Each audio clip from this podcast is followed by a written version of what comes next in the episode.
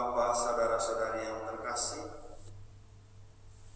bacaan-bacaan Injil yang kita dengar selama oktav Pasca, mulai dari hari Senin Pasca kedua sampai dengan hari Minggu Putih atau hari Minggu Kerahiman Ilahi, selalu berisi cerita tentang penampakan Yesus kepada para muridnya.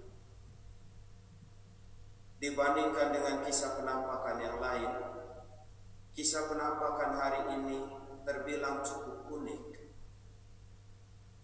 Kalau dalam kisah-kisah yang lain, penampakan diri Yesus yang bangkit terjadi ketika para murid berkumpul dan berdoa di rumah-rumah yang terkunci atau dalam perjalanan ketika para murid berbicara satu sama lain tentang wafat dan kebangkitan Yesus.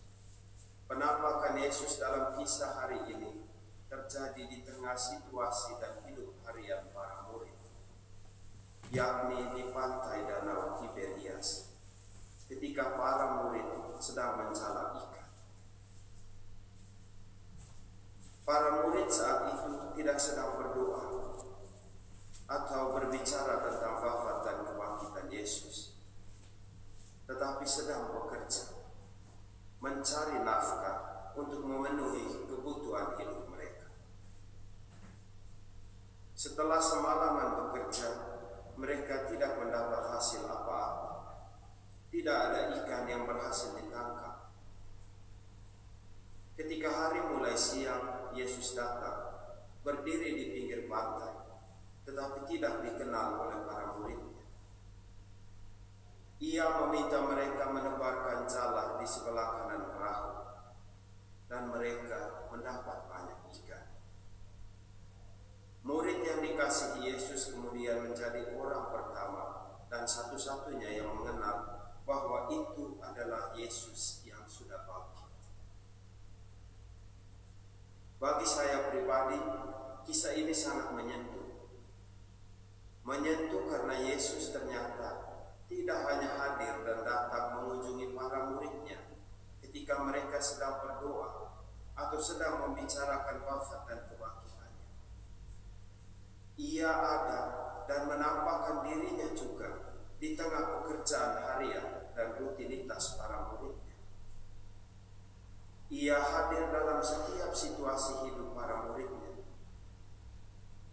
Namun kehadirannya dalam pekerjaan dan rutinitas para murid jarang dikenal dan disadari. Kehadirannya hanya dikenal oleh murid yang dikasihinya oleh murid yang sangat dekat dan punya hubungan yang sangat intim dengan dia.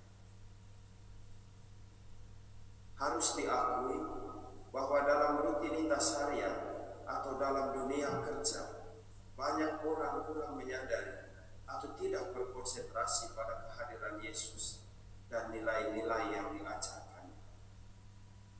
Dunia kerja mempunyai nilai dan tantangannya tersendiri yang berbeda dengan nilai-nilai hidup rohani dan Injil. Dan malah ada orang yang menganggap bahwa nilai-nilai di tempat kerja tidak punya hubungan apa-apa dengan nilai-nilai hidup agama. Agama dan Yesus hanya berhubungan dengan doa dan hal-hal rohani, sedangkan hidup harian atau pekerjaan bersifat profan dan tidak ada urusan sama sekali dengan Yesus. Murid Yesus yang sejati, yang punya hubungan baik dan intim dengan Yesus, yang dikasihi dan mengasihi Yesus, tidak melihat seperti itu. Dalam dunia kerja dan rutinitas harian, murid Yesus yang sejati dapat melihat dan menyadari kehadiran Yesus dan sanggup berkata kepada kolega dan rekan kerjanya, itu Tuhan. Kendati pun saat itu mereka tidak sedang membicarakan wafat dan kebangkitan Yesus. Mudah-mudahan kita semua sungguh sanggup menjadi murid yang mengasihi dan dikasihi Yesus yang tidak hanya menyadari kehadiran Yesus dalam doa dan ibadat-ibadat kita, tapi juga terutama dalam rutinitas hidup harian